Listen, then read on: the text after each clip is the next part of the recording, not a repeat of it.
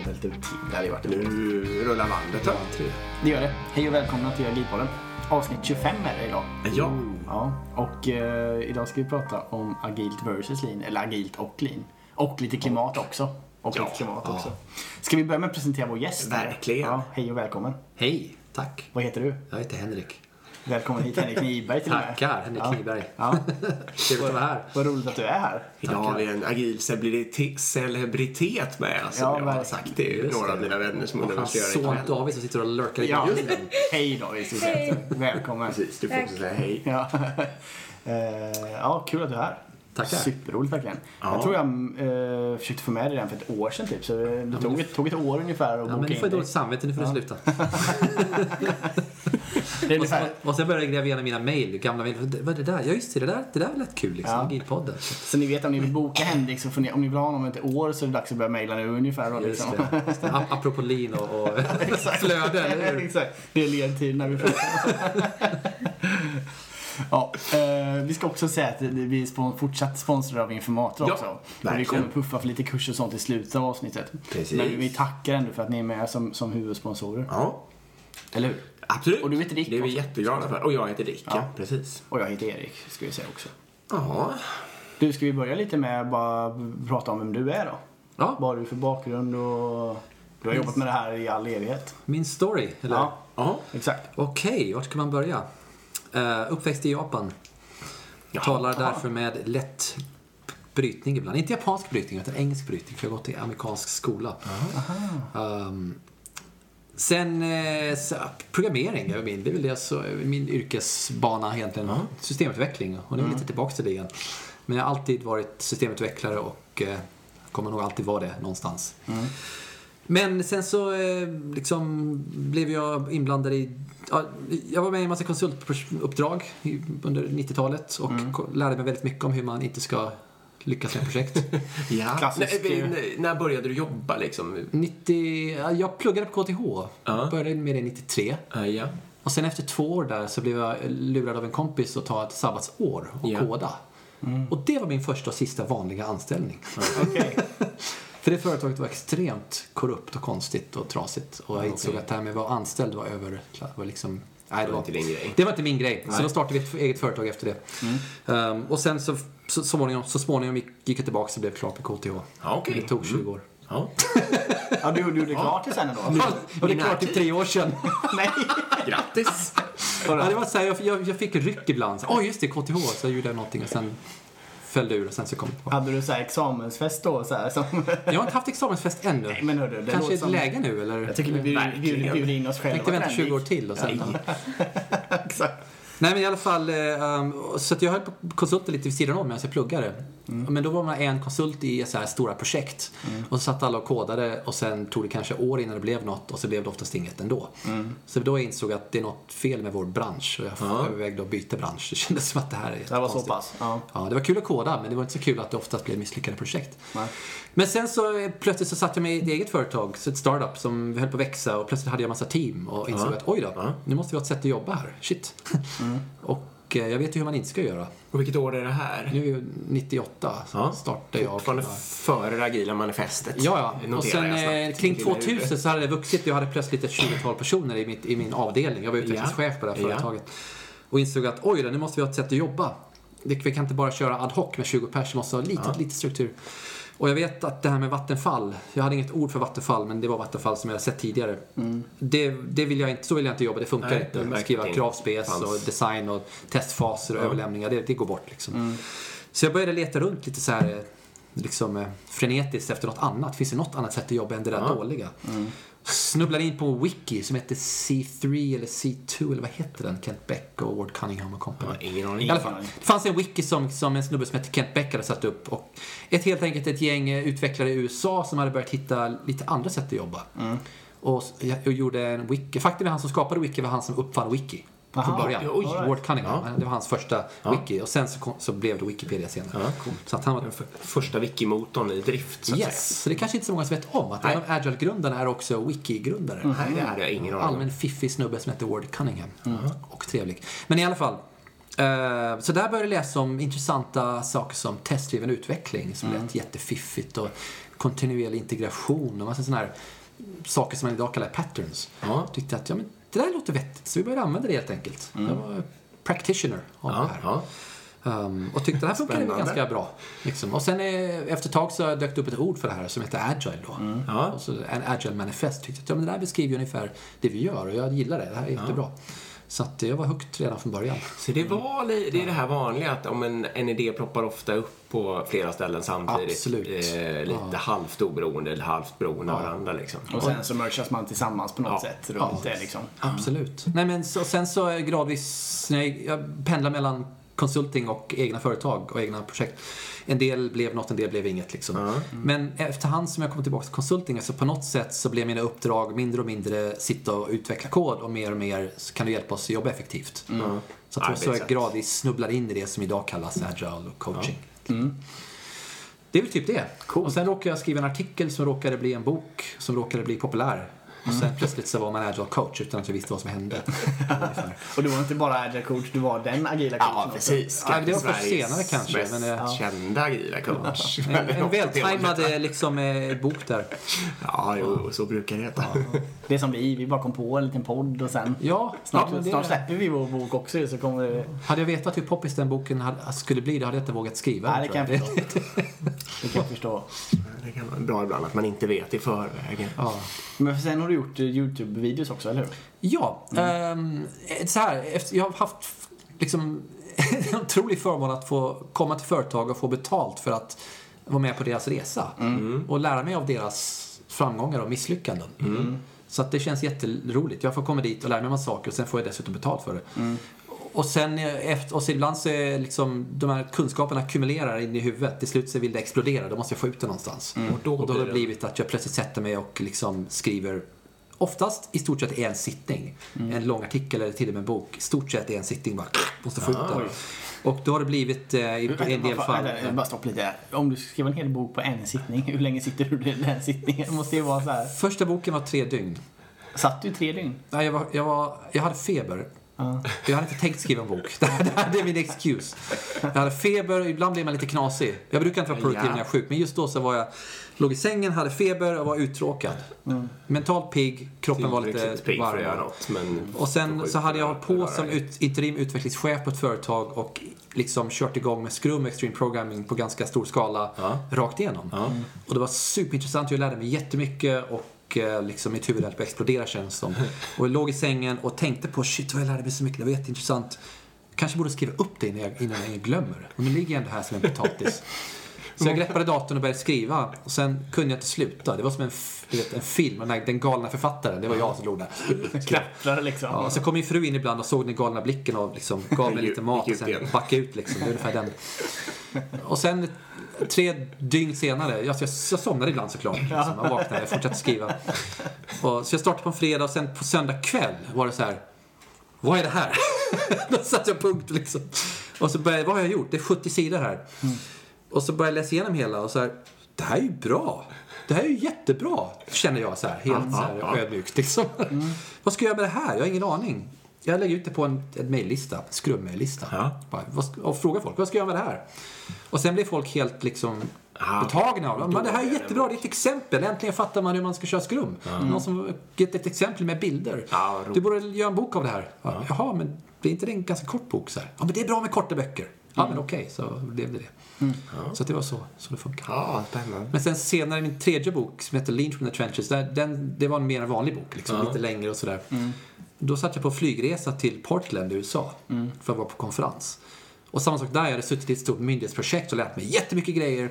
Och det studsade runt i huvudet. Så satt jag på en lång 10 timmars flygning och hade inget annat för mig. Så då tog jag datorn och bara började skriva som en, en knasboll.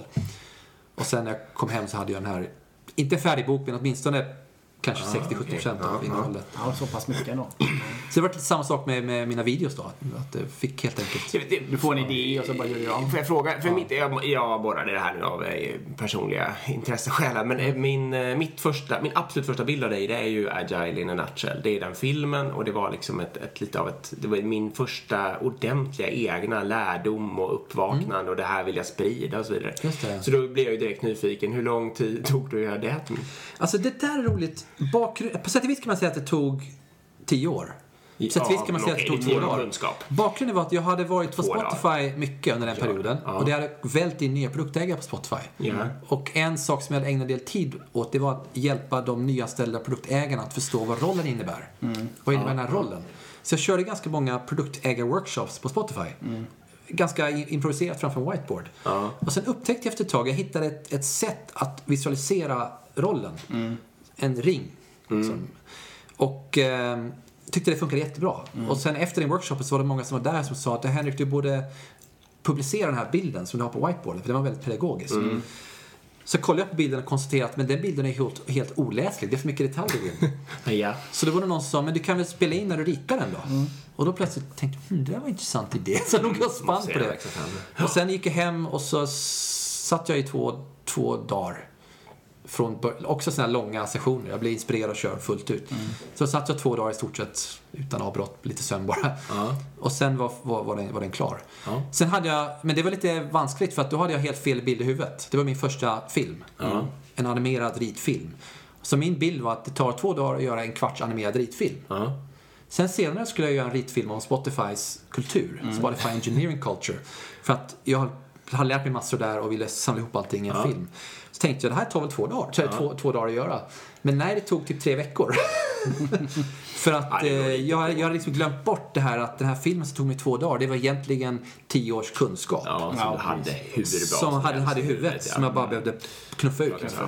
För att, jag skulle eh, säga, det är inte bara innehållet heller utan det är också sättet att presentera det på. Alltså att göra en animering, alltså ett form av att rita samtidigt som man liksom pratar till det. Det var ju också nytt i sig tänker jag själva. I alla fall var det inte något, eh, finns inte massor med sånt Ja, material. nej, jag, jag, den idén plankade jag rakt av från eh, um, en film som heter Drive. Uh, ligger på sajt som heter RSA Animate. Det är alltså en inspelning av en, en, eh, D- Dan Pink som, heter han så? Vet inte. Nej. Ah, ja. En kille som har skrivit en bok som heter Drive som handlar om motivation. Och det är en superinspirerande liten film som ni kan kolla på om ni gillar för den är Ja, faktiskt... det kan göra. Och han, där, där ritar, det är en kille som ritar på, precis det sättet. Fast snyggare än, än, än mitt liksom.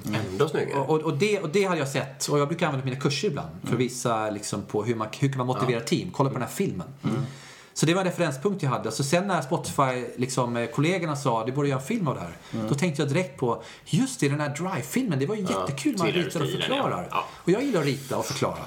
Så det var det ett experiment. Och sen insåg jag, precis som du sa nu, att jag insåg att paketeringen är en stor del av grejen. Så därför jag gjorde, har jag gjort fler sådana filmer. Det är som Spotify, det är som klimat. Liksom. För jag insåg att formatet rita och förklara och sen accelerera, accelerera allting. Det går rakt in på något sätt. Från För, för du ju att du har inte marknadsfört de här så mycket utan de har liksom vuxit av sig själva. Nej, de inte överhuvudtaget. Nej. Bara la ut den. Och de har, i alla fall eh, den här, eller flera har väl över miljonen views. Alltså, Produktägarfilmer har 1,2 miljoner, något sånt. Och Spotify-filmen har jag, ja det är nog mer skulle jag tro vid det här Ja, laget. det är nog så, ja. Den är Hur, hur går det med klimat... Nej, den måste du se. Den är. Ja. Hur går det med klimatfilmen då? Klimatfilmen heter Friendly Guide to Climate Change. Den har inte nått samma nivå av viralitet ännu. Den Nej. ligger på kanske 30 000 eller något Okej. sånt. Mm. Ja. Får vi puffa för den här att- så vi får... Precis, den vill jag puffa för. det är ett viktigare ämne. Ska du verkligen... Okej, ja men kul.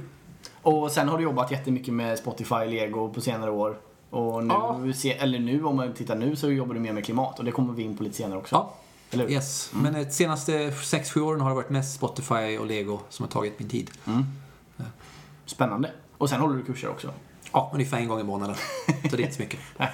Och sen skriver du på en ny bok också. Nej, alltså. jag brukar aldrig planera böcker för det är stressande.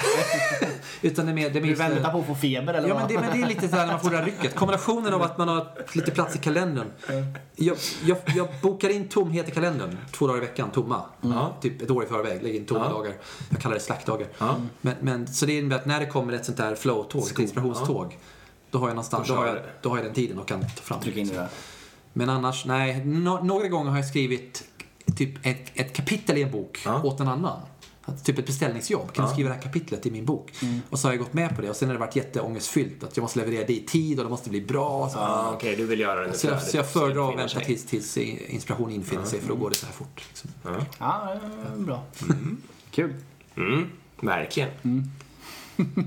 Ska vi hoppa in på dagens ämne då? Ja, ska vi touch... det kän- Vi, alltså, vi behöver inte hålla oss till ämnet. men vi, kan- vi touchar. Allt här var intro, eller? Nej, Ja, nej, jag vet inte. Nej, det är då... Vi har ingen agenda. Nej, det har Ja, vi har ju en mindmap här på Ja. bordet som Precis. kladdig. Och vi ska komma till klimatet, men vi drar några grejer till innan det. Ja, några agilgrejer, ja. Eh, Vad är... Ska vi dra något om agil och lean? Det gör vi. Eh, vad, är, eh, vad är lean? Ja, men ni är ju Scania-folk. Så ni, ni, ni, ni, ni simmar i linhavet. Ska jag säga vad lean är för något? Eh, lean är att eh, effektivisera ett flöde eh, av repeterbara moment. Eller, lean är, bra, smart, kraftfullt att använda när man vill flödeseffektivisera eh, ett flöde av repeterbara moment, ska jag säga. Och få bort flaskhalsarna. Att få bort flaskhalsarna är själva tekniken, liksom. Och så jobbar man med det längre och längre. Och så tanken när man får Eh. bort första så ska man ta bort andra och sen tar man bort tredje. Precis. Så. Och så håller man på så. Så blir det bara bättre och bättre i all oändlighet. Och det eller i alla fall sen 1900, jag vet inte, men eh, 50 eller något sånt där kanske. Levererar bättre grejer snabbare typ, eller? Ja, precis.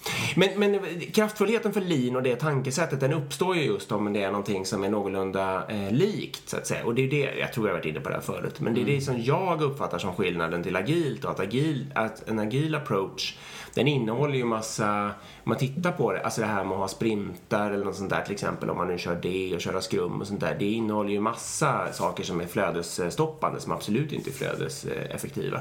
Alltså att man lagrar upp massa värdeobjekt och kastar dem liksom in eh, vid ett givet tidpunkt istället för att göra det en och en och så vidare. Eh, men när är det liksom bra, när, när är det värt att göra så? Ja, det är just när man ska hantera eh, den enorma variationen som till exempel många kunskapsgrejer men till exempel systemutveckling eh, kännetecknas av. Det är då agilt blir så himla kraftfullt. Så till frågan är mig då så är ju skillnaden, eller liksom man väljer att eh, försöka få till en agil kultur om man har enorma variationer och kanske en lean kultur om man vill effektivisera eh, repeterbara moment. Liksom. Det är skillnader. Och sen Det är finns det skillnad. mycket likheter Och sen finns det väldigt mycket likheter. Ja. En likhet som jag tycker är viktig är kulturen. Mm. Eh, och det här lite mer principstyrda också. Ehm, för vi jobbar ju själva på ett företag som har lean liksom i grunden. Och Mm. det har ju också en ganska stor nytta i, i den agila transformationen. Mm. Man kan, pra- man kan liksom föra tillbaka till kulturbitarna, hur viktigt det är att skapa det här då, det här safe to fail-kulturen som det handlar om i mjukvaruutveckling. Eh, Till exempel, ja. Till exempel. Mm. Men även andra bitar i kulturen. Och som jag själv alldeles nyss tänkte på här, att en väldigt stor likhet är ju att man ofta lyssnar, ledarskapet lyssnar ofta på de människorna som skapar mervärdet. Det gäller ju bägge de här kulturuppsättningarna kan man säga. Och det skiljer ju också från en del traditionella upp, upplägg då liksom.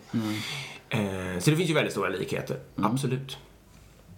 Nu är det bara vi som maler. Vill du lä- slänga in Ja, någonting här? nej, alltså min, min bild är jag, jag ser dem som kusiner. Lean och agile, de är kusiner eller bröder eller syskon. Liksom. Mycket likhet och sen några krockar. Och, det, och likhet i att det är mycket fokus på kontinuerlig förbättring och, och flöde. Um, lean, om man säger mer traditionell lean, lämpar sig bäst om man vet vad man vill bygga. Man vill bara bygga det snabbare och effektivare. och, Precis. Uh, Medan agile är mer optimerat då för vi vet inte vad vi ska bygga, vi vill ta reda på vad vi, vad vi ska bygga. Precis. Men sen med några små justeringar så passar ju lean-principen väldigt bra. Så att, eh, till exempel om man tar, vem var det som sa det? Jag tror det var Mary Poppendix som hade bra, bra metafor där. Att om man, tänks, om man ser ett IT-projekt som ett, ett massa, en massa ovaliderade beslut. En, kr- en kravspec eller ovaliderade beslut, eller en user story eller en, en, en rad kod. Allt det är ovaliderade beslut. Vi tror att det här är en bra idé, vi vet inte riktigt. Sen först när man sätter händerna på en riktig användare så valideras det. Och om man ser varje sånt ovaliderat beslut som en inventarie, som en WIP, work in progress, då plötsligt punkar lean-principen är ganska bra. För då kan man prata om flöden och köer och batcher och så vidare. Okej. Så att det är Och praktiskt. då gäller det att få dem validerade så fort som möjligt, alltså så få som möjligt och att få dem att flöda fram Ja. och bli validerade. Det Så vill snabbt säga körda av en användare så snabbt som Och möjligt. det misstaget som jag har sett många gör just när man kommer från en traditionell lean-värld och sen plötsligt sitter och håller på med IT-utveckling. Är det här att man börjar lina till det fysiska arbetsmiljön. och det är helt bisarrt. Ja. Så då kan man ha sån här jättelin liksom, arbetsmiljö medan i själva projektet har man köat upp så här många 500 stories och liksom 30 000 test, ot- otestade kodrader. Och, så det är bara ett härke, men det syns inte. Men då kan man lura systemet. Då kan man använda lean-principen visualisering. Ja. Så visualiserar man de här, så köerna är jättesynliga. Och då plötsligt kommer alla lean-skallar och bara ah! Och så kan de plötsligt göra jättemycket nytta. Ja, men det är väldigt sant. Ja, Eh, men det ska tillägga att det är ju, här är ju inte unikt för systemutveckling. Att även forskning och utvecklings tidiga försök till linifiering har ju varit sånt där. Just att lära sig hitta hålslaget och sånt där. Snarare än att titta på själva flödesobjekten. Liksom. Så jag känner igen det. Men det kan man också göra via att kolla på lertider. För jag tänker, som du säger, om man visualiserar och tänker på lertiderna från att en idé kommer, att en typ user story skapas till att den är i produktion. Mm. I, I traditionellt projekt så är ofta den horribel. Det kan vara ett år liksom. Ja, kan vara det kan vara mycket mer än så också. Eh, och då kanske man med något form av liten kan tänka att det inte är optimalt. Mm. Men, men, men krocken där, du, du, du nämnde variation Mm. eller variabilitet. Vad säger man på svenska? Varia, Variation, jag variation, tror jag. ja. I, traditionellt vill man ju minska den. Mm. Och, och där finns en jättekrock som jag tror många underskattar. Mm. När man tar det, det, den kulturen och tillämpar i ett IT-utvecklingssammanhang, eller Mm. produktutveckling överhuvudtaget. Om man har eh, chefer till exempel som försöker trycka på att minska variation. Ja. Då dödar det ju innovation Ja, helt.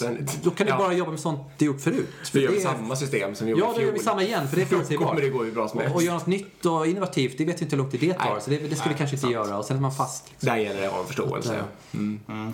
För annars blir det tokigt. Det blir förutsägbart, men det blir inte så... Det blir förutsägbart men inte så, Så bra. inte så värdefullt. ja, det är bra. Mm. Ska vi hoppa lite, du som coach här då. Eh, hur många års erfarenhet? Det är alltså då ett 70, 20, Alltså, lite på. När kom manifestet? Var det 2000? Man, manifest kom 2001.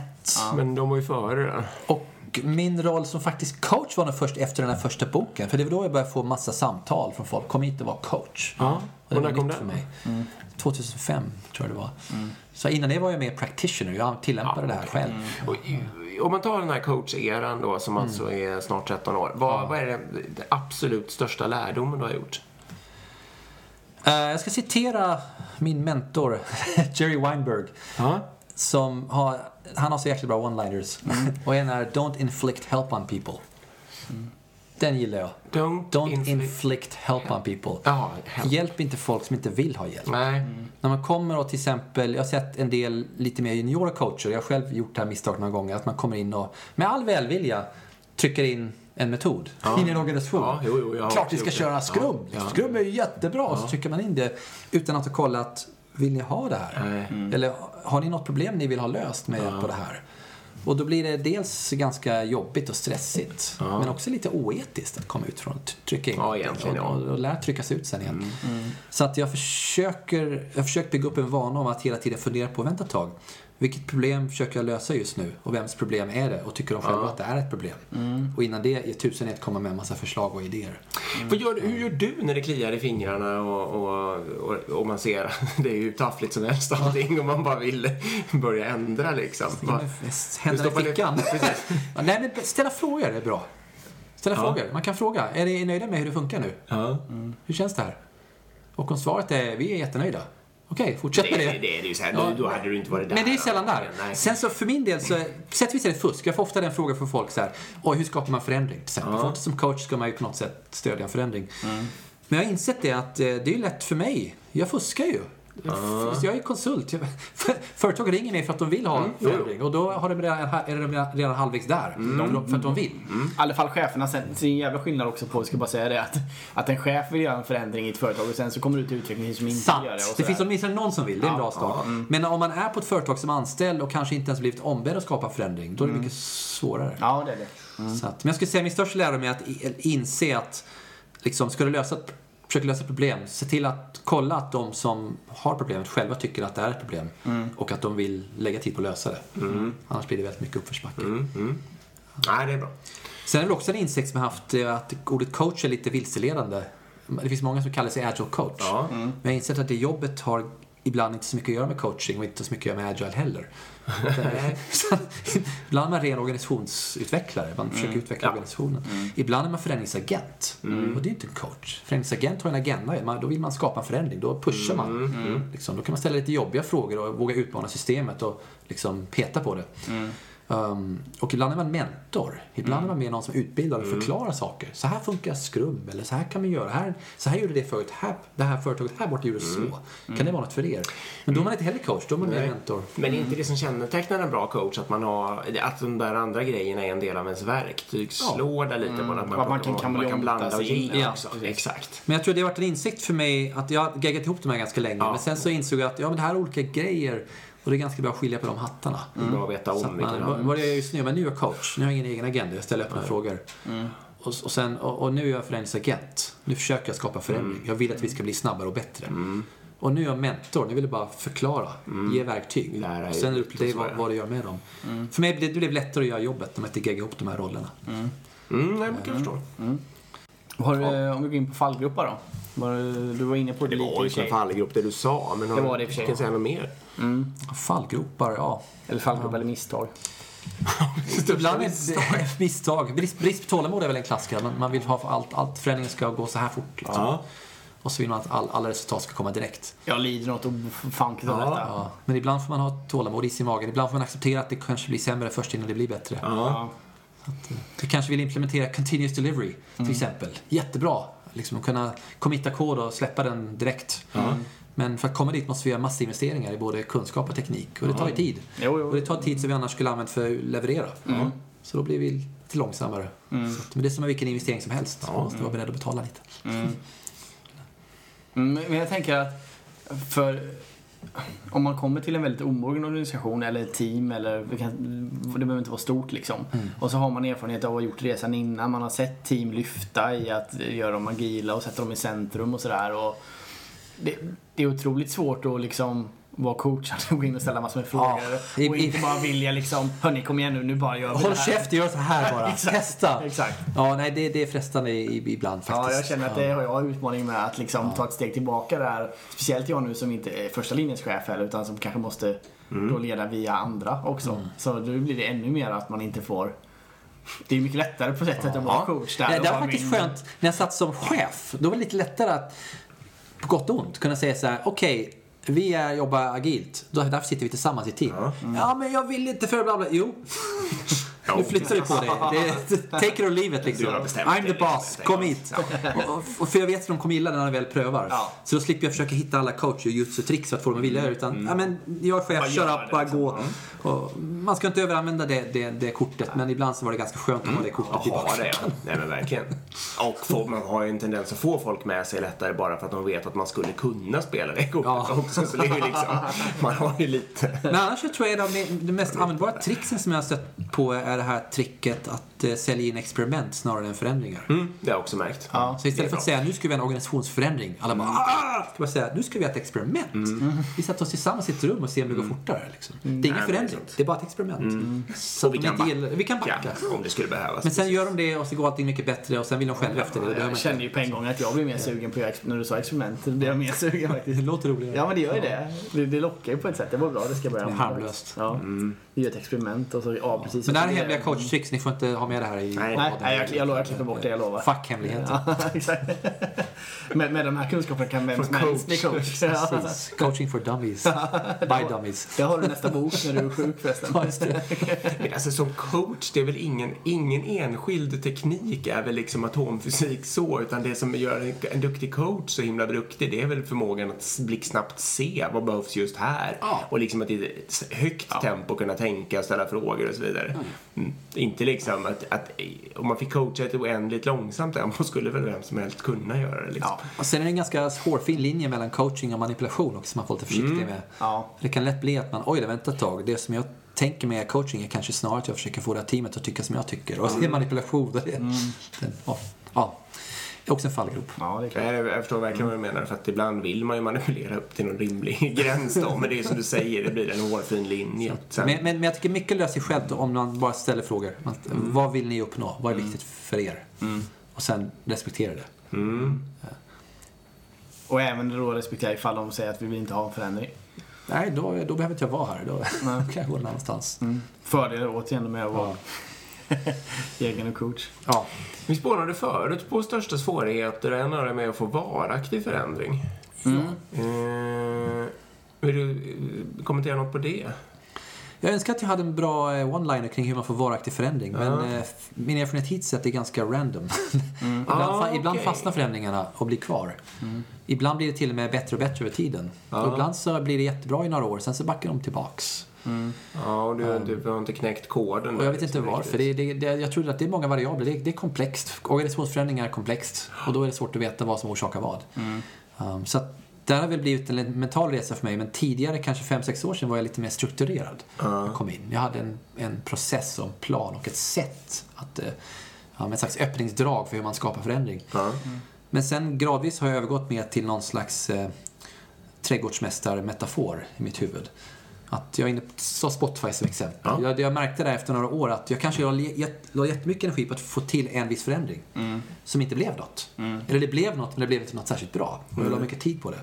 Samtidigt kanske jag hade stötte på någon vid kaffemaskinen på torsdag eftermiddag. Ja. Och så hade de ett dilemma. Och så gav jag ett förslag. Och sen gick de att implementera det förslaget och förändrade typ halva företaget. Liksom. Det är jättemycket förändring, positiv vad- förändring. vad- Bara på grund av att man var just där vid det tillfället och planterade det fröet just då. Hade jag aldrig kunnat pla- planera. Nej. Så jag, och jag har sett det så ofta nu, så nu är min mentala modell att ja, men jag är trädgårdsmästare. Jag går runt där och planterar lite frön. Och häller lite vatten på, på vissa och kanske liksom men, ja, kanske se till att det kommer lite mer sol här. Och sen får man se. Vissa växter Det blir, som blir funkar, fantastiskt. funkar. Ibland blir det jättebra, ibland blir det ingenting. Det enda man kan göra är att öka oddsen.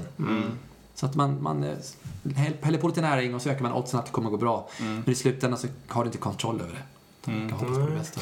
Jag, kan, jag har funderat över det. Jag har ju försökt åstadkomma en del förändringar under min ledarkarriär. Och liksom Olika sorter. Och vissa har ju mycket riktigt funkat och andra har ju inte hänt någonting med. En sak, om jag jämför med mitt, mitt unga chefsjag liksom. Eh, då hängde jag ju i alldeles för hårt. Alltså jag satte personlig prestige att jag skulle driva igenom en viss Ja. förändring. Så blir det din förändring. Ja, exakt. ja, men alltså, och att jag liksom kämpade med den eh, långt bortom att man borde ha gett upp på något vis. Nu är jag nog mycket mer som du säger, att jag, jag, jag provar olika grejer. De som jag känner att det blir medvändigt, att det börjar hända, att det börjar växa något helt enkelt. Då fortsätter jag ju liksom att, att vattna och gödsla på dem. Eh, och, och sen släpper jag de där grejerna som Ja. aldrig, det kommer aldrig upp något från det här fröet. Så då är det nog inte meningen.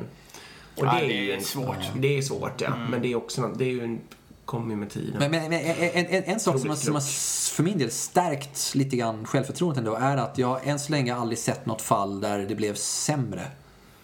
Det vill säga att man Nej, stoppar in en förändring. De här agila metoderna tycker jag är fantastiska. För att antingen blir det bättre eller så blir det ingenting. Men jag har än så länge inte sett att det blivit sämre. Nej, det är sant. Så därför känns det ganska safe. Vi går in och vi testar de här förändringarna och, det, och så kanske det blir bättre eller inte. Det kanske blir bättre varaktigt eller inte. Men risken att det blir sämre verkar vara väldigt låg. Den är väldigt Ja, det är sant. Därför är det bara kör. Pr- Prova. Gör experiment. Ja. Mm. Ja, det är bra. Får jag, eh, vi hade upp en grej i förra avsnittet här om ehm, eh, går det att transformera? och så satt vi lite så här själva då och kände att, att vi inte hade några klockrena exempel på det faktiskt. Att eh, företag har genomgått en fullständig transformation liksom. Tänker du större företag nu eller företag generellt? Ja, Eh, generellt. s- gener- men jag kan inte så mycket om småföretag i och för sig, Ja. så det är risk att det är- yes, mest gäller stora företag. Ja, men, och, och tesen var då helt enkelt att de företag då som eh, liksom byggs på ett modernt sätt, alltså Mm. Google, Spotify etc. Då går, funkar det ju uppenbarligen bra liksom, och de kan ha hög lönsamhet och så vidare. Men eh, att vi liksom inte riktigt har sett något klockrent exempel på att någon har gått från någon gammaldags Mm. kultur till en modern liksom. Har du några kandidater där? Hmm. Apropå förändring och svår förändring. Ja, alltså jag, det jag tänker mest på nu är Lego. För Spotify fusk, de föddes in i det här lite De grann. Ja, började med fusk. principstyrt och... Ja. Ja, eh, Lego, Lego är intressant. vill. Mm. Um, för där, jag har jobbat någorlunda regelbundet där i tre år. Till och från, i Billund, och dit. Liksom. Och det är ett 80 år gammalt företag med, liksom, vad det nu är, 17 000 pers. Det är så mycket. Har de produktion? stort eh, företag. 20 000 lo- är det väl nu. Lokal produktion eller Ja, de har produktion lokalt i Ja. Billund och på andra ställen. Okej. Men det är ett traditionellt företag. Ja. Och dessutom, de bygger ju en fysisk pryl. Så IT är bara en liten del av deras. Stödjande verksamhet. Ja, men, men där faktiskt, det är nog det enda exemplet jag har sett. Och det var inte den agila resan, det var den resan de gjorde- de gjorde innan. Där de höll på att gå i konkurs för typ 13-14 år sedan. Jaha. De var väldigt nära att gå i konkurs, och det gjorde de en ganska ordentlig omvändning. och blev liksom jättefokuserade som företag. Och, det, syn- och nu går det bättre än någonsin. Och det var en riktig kulturförändring. Det, det märker jag när jag pratar med folk där. Att det här var, det var någon slags, de svängde hela skeppet. Ja. Så, men det är ovanligt. Det, det är inte ofta man ser sånt. Och jag tror det som gjorde att de lyckades med det var kombinationen av att det var en, en livshotande kris. De insåg att gör vi inte det här så kommer Lego försvinna. Och liksom, det vore ju katastrof för att de inte funnits i 60-70 år. jag De ville på riktigt. och sen att de tillsatte en ny VD. Som var första icke-familjemedlemmen. Ja, Som okej. inte var med i familjen. Liksom. De lät honom. Det var, och så han kunde komma in med, han vågade röja om lite, lite Ja. mer. Han fick det mandatet. Röja om här. Så det var intressant. Nu så pågår det jättemycket. Nu pågår en stor agil resa men det är för tidigt att säga om den har lyckats. Det kommer att pågå i flera år. Men, men de ställena jag har sett på Lego där de jobbar, där känns det som att det här kommer nog vara varaktigt tror jag. Okej. Men däremot så betyder inte att det kommer vara så att det kommer att stå still. Mm. Nej, det är Utan det jag menar med varaktigt är att jag tror inte att det kommer gå tillbaka till så som jobben hade innan. Nej. Det tror jag inte kommer hända. Och det finns hopp om att det ska fortsatt Ja. gå bra egentligen. Det är ju det du säger. Men är det bara IT-avdelningen de kör agil eller liksom från hela företaget i den där resan? Eh, de har, det började inom IT-delen. Som var några hundra personer. Och där gjorde de en stor förändring, ganska pang bom. Och den har fastnat skulle jag säga. Alltså på ett positivt sätt. Eh, men sen så gav den ringar i vattnet då som jag sprider till andra avdelningar. Och, och där har jag fått följa med lite grann och det hjälpa till. Mm. Och det tycker jag är jätteintressant för då är det avdelningar utanför IT. Det är, folk, det, det är till exempel design, det gänget som designar nästa generations leksaker. Det är även de som bygger liksom, ja, system för fabrikerna. Um, och Lego Education och även en del delar av företaget som, som ansvarar för att skapa processer för marknadsföring och sånt till exempel. Så det är helt annat än bara... I, så det är ganska intressant att följa med men det är så pass nytt. Så jag kan inte säga nu om det kommer vara varaktigt eller, eller inte. Ja. Utan eh, det får vi se. Jag kan hålla med. Som konsument av Lego så kan jag hålla med om att jag känner att de har börjat... Alltså de här, de, de här apparna har... Ja, de har ju de har kompletterat bra. upp på ett snyggt sätt bredvid den fysiska produkten. Exakt. Men de var ganska keffiga ett tag och de insåg det själva. Ja, Liksom. men mina barn har ju, köper ju, eller får ju lego och använder ju lego, precis den här fysiska lego, precis som när jag var barn. Men nu kör vi ju även, de sitter ju och spelar liksom lego och tycker det är roligt. Och det blir Jag gör det också på min padda hemma. Snygg övergång. Ja. något av dem har jag också varit tvungen att spela igenom för att det såg så himla kul Det är rätt, det är rätt kul faktiskt. Ja, de, de, är, de gör ju mycket research på Lego. De har insett att för barn, barn skiljer inte på digitalt och icke-digitalt. Nej. Det är bara en lek. Ja. Så att jag kan leka lite på eh, bygga här, sen bygga där. För de är inte Det det nu har jag bytt ja. medium, utan det är ett medium. Så, att, så att de försöker koordinera allt. När de lanserar en produkt så koordinerar de allting. Både, liksom, de kanske gör en TV-show, de gör ett spel. De, eh, de har, ja, man kan scanna eh, badges på lådan. Har en slags lite social grej. De- Det är ofta en helhetslösning. Och där tycker jag de är ganska imponerande hur de har lyckats bli så streamlinade på att göra de grejerna. Det är coolt. Vi kanske ska försöka få med dem i podden. Just Det det. kan vara en bra idé. Du kan säkert ge något bra namn där. Absolut. Men som sagt, det är ett stort företag och det är, man, man, all bets are off. Men man vet inte hur det kommer att gå. Ja, men det, Nej, men det är ändå bra. Jag behövde höra det, alltså att det fanns Ja. en, någon som har transformerat. Ja, verkligen. Men, men, jag tycker när det gäller stora företag så är det svårt att säga att ett företag har transformerats. Utan det är olika delar som, Ja, det är det ofta. som gasar och bromsar. En del gasar lite mer och sen bromsar de och så är det fram och tillbaks. Sen kanske snittet är att de har rört sig framåt. Men det är väldigt svårt att sätta fingret på att där blev det en transformation. Nu är den liksom, nu är de här istället för där. Det är så svårt.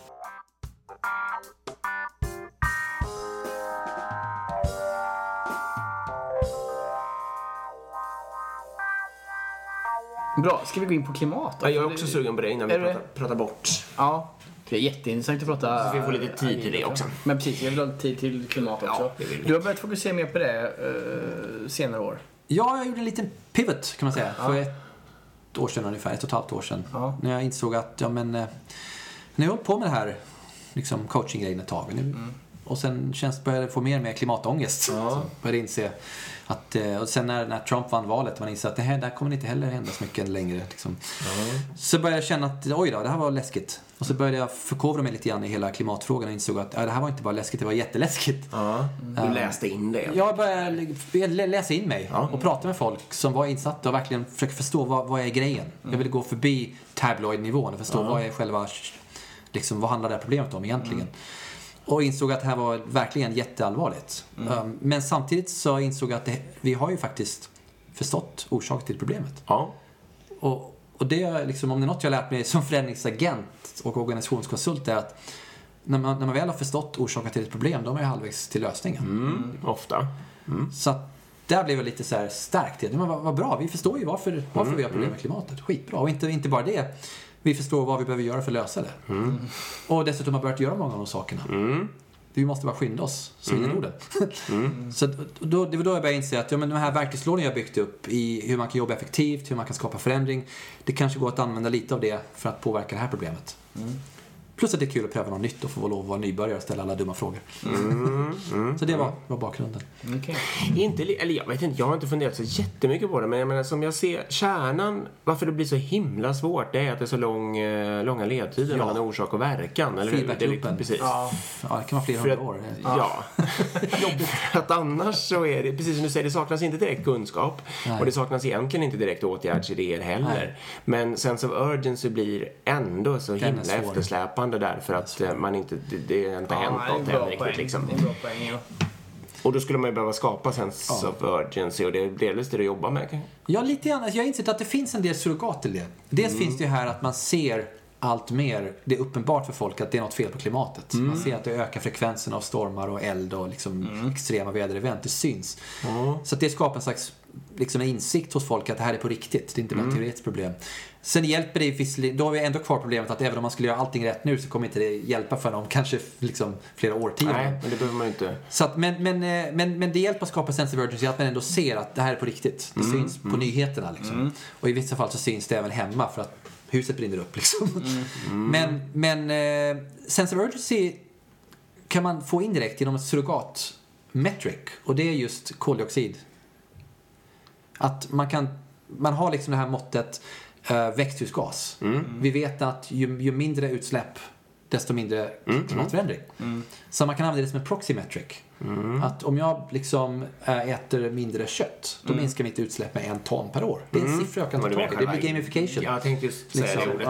ja. Om- om Men jag- om- finns ja. det något som hjälper dig med det? Kan man få en app? Som för, mig, för mig, jag, jag skulle kunna nörda in på det här Men det helt på webb... eh, om jag skulle kunna få det visuellt för Mm. mig. Men det räcker liksom inte att, få en siffra, förstår du vad jag menar? Nej, alltså det är det som man har insett att det just inte räcker. Det finns jättemånga så kallade klimatberäknare liksom, ute på nätet. Man kan googla fram och så kan man fylla i alla sina vanor och så Ja. får man en siffra och säga ja men du har 17 ton per år. Ja. Ha, vad gör jag med den informationen? Ja, nej, Det, det säger inte så mycket. Ja.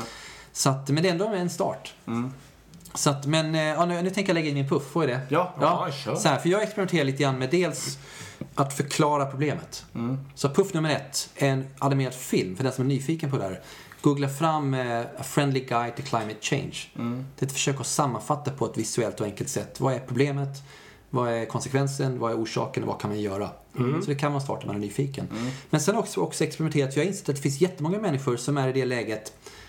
Om man, om man delar upp folk i tre grupp, grupperingar. Man har klimatentusiasterna, alltså nördarna, aktivisterna. De gör bra grejer ändå. De, de, är, de, de kan det, de, de, de, de kör liksom. De gör bra grejer. Sen har vi klimatförnekarna. Ja, de är svåra att nå till. Den skaran krymper. De kan man strunta i. Den stora skaran är den i mitten. Och det är alla de människorna som inser att oj då, det här är ett problem. Men som inte riktigt förstår vad man, vad man kan göra. Vanliga människorna i Ja, och de sammanhanget. vanliga så att människorna, om de bara visste vad de kan göra så skulle de göra det. Ja, det tror jag också. Så att, och det är de som jag försöker nå ut till. Okej. Så att dels genom videon och dels eh, så har vi byggt en tjänst som heter eh, Go Climate Neutral. Så att goclimateneutral.org. Ny. Det är helt enkelt en tjänst för de som inte orkar nörda ner sig i det här men som ändå vill göra skillnad. Och utgångspunkten är att ett första steg är att eliminera sitt eget klimatavtryck. Och man kan starta med det. Ja. Det räcker inte riktigt, men det är en bra start. Ja. liksom. Sen kan man fundera på om man kan göra mer.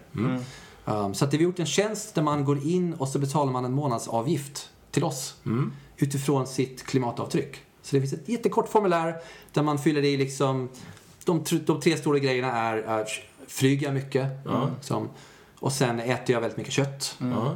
och sen eh, också om jag kör mycket bil. Um, sen även, jag vet inte om jag har en fråga om det, men även eh, en energianvändning. Det är några sådana Alltså saker. uppvärmning eller något sånt där. Ja. I Sverige så är det ingen grej för vår el är ren. Men i andra länder så är det väldigt viktigt att kanske inte använda för mycket. Men i alla fall. ehm, vad, vad slutar det här på för så, bara, vad är storleksordning? Alltså Ja. är det tusentals kronor i månaden? nej, nej, nej. Det hundra? kanske är för 50 spänn. Ja, typiskt. Beroende på avtrycket. För grejen är att det vi har gjort är att vi har gjort en tjänst där man fyller i sitt avtryck. Så här stort är mitt avtryck. Eller man fyller i sina vanor. Och sen så räknar vi ut avtrycket. Ungefär. Det är bara schablonorienterat. Ja, det kanske är så om det var det var 10 ton. Och sen så har vi specialiserat oss på att hitta klimatprojekt runt i världen. Där man får mycket påverkan för lite pengar. Okej, ja det är det Den. som är hemligheten. Ja, så vi, så vi letar upp och, så att till exempel eh, att investera i ett, eh, ett hydrokraftverk i Vietnam. Där så kan man lägga en bara du kan köpa en elbil i Sverige och betala jättemycket pengar och ha ganska liten effekt. Eller så tar du bara en hundradel av den pengen Effekt. och så kan du investera indirekt i solpaneler i Afrika eller i ett hydrokraftverk i Vietnam. Eller effektiva stoves i Rwanda. Finns små insatser som man kan göra där en liten peng Gör- minskar koldioxid jättemycket. Mm, jag förstår. jag förstår. Och, och, men det orkar inte folk hitta. Så vi har gjort en tjänst med att abstrahera bort det. Och så man betalar en månadsavgift. Sen tar vi ansvar för att göra det klimatneutral. Okej. Men egentligen så är det ett trick. Vi vill att folk ska bli intresserade. Så man börjar med att betala en avgift för att på så vis göra en liten commitment. Och sen så får man nyhetsbrev med tips och information. Mm. Men t- min följdfråga här blir ju lite Ja. att om alla jordens invånare gick in och körde den där tjänsten imorgon då skulle det, priset eh, eh, gå upp något enormt förstås. För att ni plockar de lågt hängande frukt. Då fattar jag rätt. Ja, Yes. bra. Skulle bara kolla att jag fattar rätt. så- det är ju inte så att det kostar några hund- 50 spänn per person på hela jordens befolkning som Nej, skulle det menar att det finns mycket Nej, lågt bra. hängande frukt. Just det, som, Yes. och inte ens den är använd. Det är ju Ja, skrämmande i sig. Ja, och den är oftast utanför sitt eget Jag är land. helt med dig. Ja, just det. Ja. Den, precis, den är lite svår. Eller svår. Så det vi har insett att det är en djungel och det finns dessutom ganska många otillförlitliga produkter, klimatkompensationsprodukter, där man lägger massa pengar så vad har man egentligen fått? Utsläppsrätter, vad är det för? Det är väl flummigt. Så vi har försökt hitta projekt som dels är certifierade, som har en, en, en formell bevisad klimateffekt, men som också har ett lågt prislapp. Just det. Och det saknar än så länge så det är eh, enkelt. Vilket är ja, både skrämmande och jättebra att ni gör det på en gång. Hur funkar det med, eh, om man tänker typ Max, de har ju påstått att de klimatkompenserar för den hamburgare man köper där. Eh, Har du koll på det? Om det Jag vet inte vad de gör med de pengarna. De är inte transparenta med det eller är det Jo, jag har inte kollat. det är de, tror jag. Ja. Jag tror det är trädodling, va? Är det, låter det rimligt? Kan det vara? Ja, jag har tänkt om du hade kollat. Nej, om man ska gå på sånt där eller om det bara är marknadsföring. Jag vet Ja, än så länge. Det, är bara, det kanske är sant. Ja, i och med att det är så pass få. Ja, Ja. det Men, men det är en positiv sak. Det har, det har blivit en, en, eh, en trend att vilja bli klimatneutral som företag.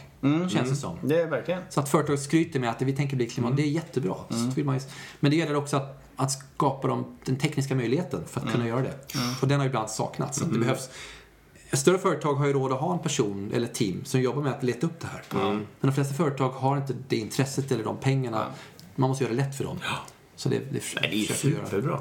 Ska vi lägga dem... eh, vi kan lägga på Insta Vi lägger på kanske. Instagram, ja. eh, Så kan ni bara ställa. upp det på ett papper eller Yes. sånt där så man kan se. Eh, Så ni hittar tillbaka till både tjänsten och filmen Ja, framförallt. visst. Ja. Och feedback välkommen. Det här är ganska nya grejer. Så att vi Ja. vill vara agila. Vi vill kunna anpassa till feedback. Att- Ja. Cool. Har ni något vinstintresse i det eller låter det helt... Det är, det är ett AB. Ja. Men tanken är att det inte ska vara vinstdrivande. Det vill säga att det inte är ett vinstfokus på företaget. Ja. Utan pengarna används för att driva företaget vidare. Men, men, men det, är ett, det är ett AB som det är nu. Men jag löner, eller liksom de som jobbar i det, lever på det? Nej, vi, nu är vi tre som gör det här på deltid. Okej. Och eh, vi tar inte ut några pengar nu. Nej. Men på sikt så hoppas vi kunna komma till ett läge där, om, om det är vi eller nå- något team som vi anställer, men att det finns folk som kan leva på det här. För det är först då det blir långsiktigt tror jag. Mm, ja, nej men precis. Ja, nej, det var inte det- kritik nej, det är utan bara- för att förstå. Yes. Och det är också en grej som folk missförstår ibland. Ja, Det, det behöver inte vara att man måste vara martyr. Nej, som precis. Själv, utan Tvärtom. utan man- det, det går gott och väl att, att göra gott och ändå leva gott. Det. Ex, om det, exakt, om det här bara hänger på martyrerna så blir jag orolig. Nej, inget bra.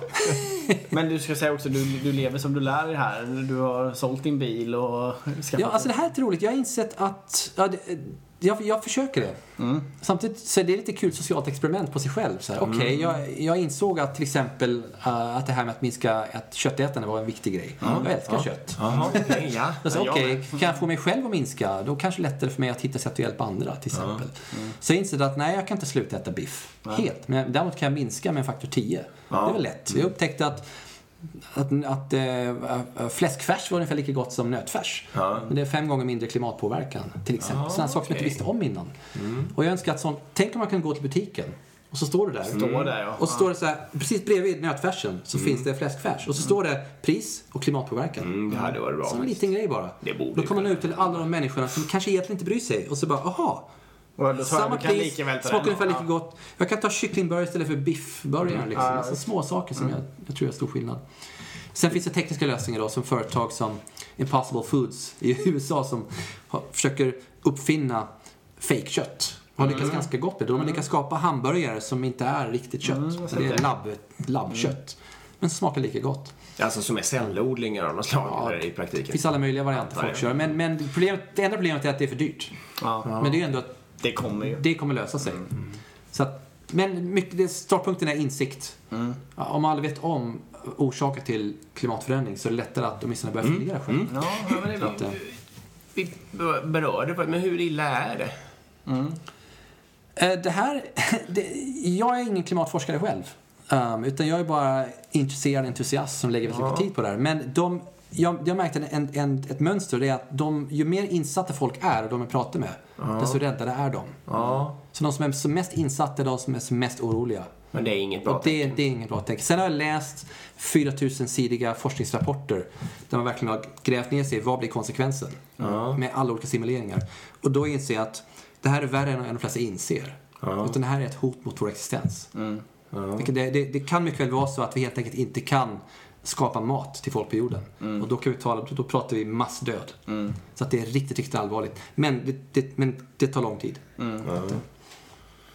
Så att superallvarligt, eh, vi måste fixa det. Vi har inget val. Nej, det är väldigt bra att du är tydlig på det. Du äter inte kött. Jag vet inte, och det är ju av, inte bara, men det är ju en av, jag brukar prata om fyra anledningar och den brukar jag nämna första är klimatet. Ja. Ja. Faktum är, nu har vi pratat mycket om kött. Största orsaken till klimatförändringar är inte kött utan det, det, är, det är att vi eldar koldioxid, att vi eld- eldar fossila bränslen. Ja, det är klart. Så att i första hand måste vi lägga av med, med kol och olja, byta till sol och vind och, och motsvarande. Ja, liknande. Så det är egentligen nummer ett.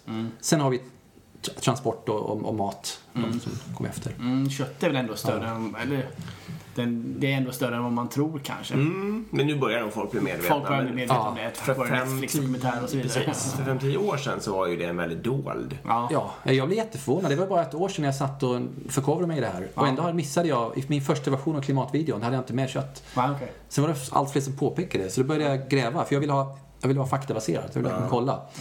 Och när jag började läsa den forskningen insåg jag, jaha, det här är för fan större än hela transportindustrin.